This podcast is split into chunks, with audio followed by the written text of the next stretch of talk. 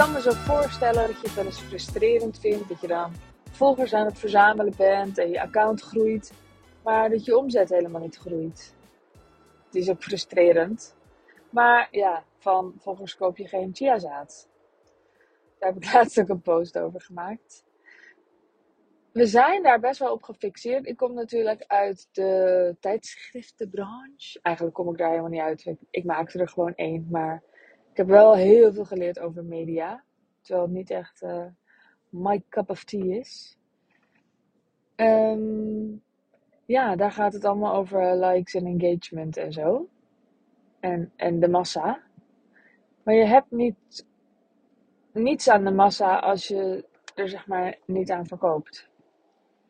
Er zijn mensen met een. Oh, dat weet ik trouwens ook wel in de samenwerking met uh, andere, met bijvoorbeeld influencers. Uh, er waren kleine accounts die, die veel beter voor ons verkochten dan grote accounts. Omdat die kleine accounts, die mensen waren wel echt engaged. Die waren wel echt helemaal betrokken. Terwijl op die grote accounts waren zoveel soorten mensen. Dat waren dan vaak mensen die al veel langer op Instagram zaten. Veel eerder waren uh, begonnen met verzamelen. Um, maar een heel breed publiek trokken. Het is echt super vet als je een small publiek trekt. Want hoe meer mensen bij jou passen, ja, hoe makkelijker je uh, ja, ze meekrijgt um, in waar jij in gelooft en uh, waar, jij, uh, waar jij iets mee wil, zeg maar. Het klinkt alsof, ik, alsof het een soort sectarisch iets is. Maar dit zijn gewoon dan je fans, weet je. Heel veel in ieder geval, niet allemaal. Je hebt er natuurlijk niet zoveel aan als je er niet echt geld aan verdient. Ja, weet je, het is geen hobby, toch? Of het is wel een hobby. Maar dan zou ik toch een andere hobby kiezen, geloof ik. Dan zou ik gaan tuinieren of zo. Nee, ik zie het niet als een hobby. Dus dan moet er geld verdiend worden, want je bent een ondernemer. En we laten ons vaak wel een beetje zo afleiden door eh, wat mensen dan vinden op ons account en zo. Maar uiteindelijk doet dat er niet zo toe, want je maakt de dingen niet voor iedereen. Je maakt de dingen ook niet voor al je volgers. Je maakt die dingen voor de mensen die echt blij zijn met jou. En misschien is dat in jouw geval een klein deel van je volgers. En misschien is het in jouw geval waarschijnlijk zelfs een groot deel van je volgers. Hoe persoonlijker je account, hoe groter dat deel van je volgers zal zijn. Um, tenzij je echt heel veel haters hebt verzameld, stuur me dan vooral een berichtje, dan uh, mag je bij me uithuilen.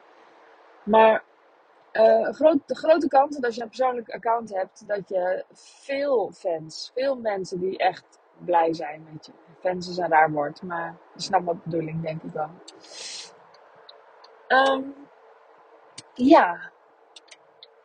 Um, wat wilde ik zeggen? Ik moest even, even, even, even van baan verwisselen en opletten.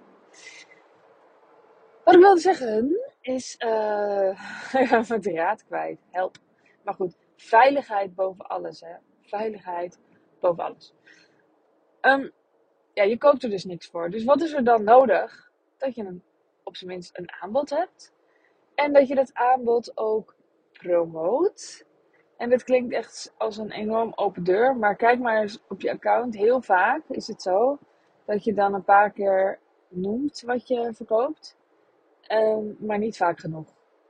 En we denken dan, ik ook, dat mensen wel weten wat je doet. En dat is niet zo, kan ik je vertellen. Mensen weten helemaal niet wat je doet.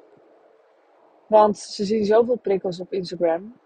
Ja, hoe weten ze nou op Instagram, alle socials? Hoe weet, hoe, ja, ze gaan het er niet allemaal bijhouden, zeg maar. Dus je mag echt veel vaker praten over je aanbod. En in heel veel gevallen mag het ook even wat directer. Dus de afwisseling tussen uh, dat je verhalend vertelt wat je doet met een kleine call to action. Afgewisseld met ook gewoon heel plat. Dit is mijn aanbod, dit is het. Daar zijn we vaak een beetje bang voor. Hè? Ik weet niet hoe dat voor jou is. Nou, je koopt er dus geen chiazaad voor, zei ik. En het heeft dus ook niet zoveel zin om volgers te gaan verzamelen. En ook heeft het geen zin om bij iedereen te kijken uh, wat ze van je vinden, zeg maar. Dat je alle reacties leest en ook als ze kritiek hebben op je en zo. Je hebt daar niet zoveel aan. Het zegt helemaal niet zoveel. Het is het is dan één mening. Misschien krijg je wel eens een pb'tje van iemand die iets vindt. Zegt gewoon niks. Zegt alleen maar dat die ene persoon iets vindt. En ik denk dat, dat, dat we allemaal een beetje gelukkiger worden, en jij ook. Als we ons niet focussen op al onze volgers en wat ze vinden. En al helemaal niet op, op die tante of vriendin van vroeger die ook meekijkt. Maar dat je alleen maar bezig bent met wat heeft mijn ideale klant vandaag nodig? Om te horen bijvoorbeeld. Daar kan je dan content voor maken. En heel vaak is die ideale klant ook gewoon een vroegere versie van onszelf. Dus dan kan ik mezelf afvragen: wat heeft de Sandy van vijf jaar geleden nodig? Of drie jaar of één jaar? Ligt een beetje aan, ehm, ja, aan, aan wat ik aanbied natuurlijk. Of dat iets is waar ik vijf jaar geleden mee bezig was of één jaar geleden. Dus zo kun je kijken. Dus wat heeft jouw, vroeger jouw naam, of jouw naam, x jaar geleden vandaag nodig om te horen? Het wordt er zoveel leuker van. Het voelt zoveel effectiever. Je bent zoveel minder bezig met hoe je eruit ziet en of je niet dom praat en zo. Als je, als je daarmee bezig bent. Als je echt werkelijk bezig bent met mensen helpen. En die vroegere versie van jijzelf, daar bestaan er nog veel meer van. Er bestaan veel meer mensen die in die fase zitten. En die vandaag iets moeten horen van jou om verder te kunnen. Nou, ik zou zeggen, ga daarmee aan de slag. En, uh, en zorg ook gewoon dat je je aanbod echt, echt goed uh, ja, aanbiedt, promoot. Dan wens ik je nu een hele fijne ochtend, middag, avond, nacht. En tot de volgende keer. Doei doei!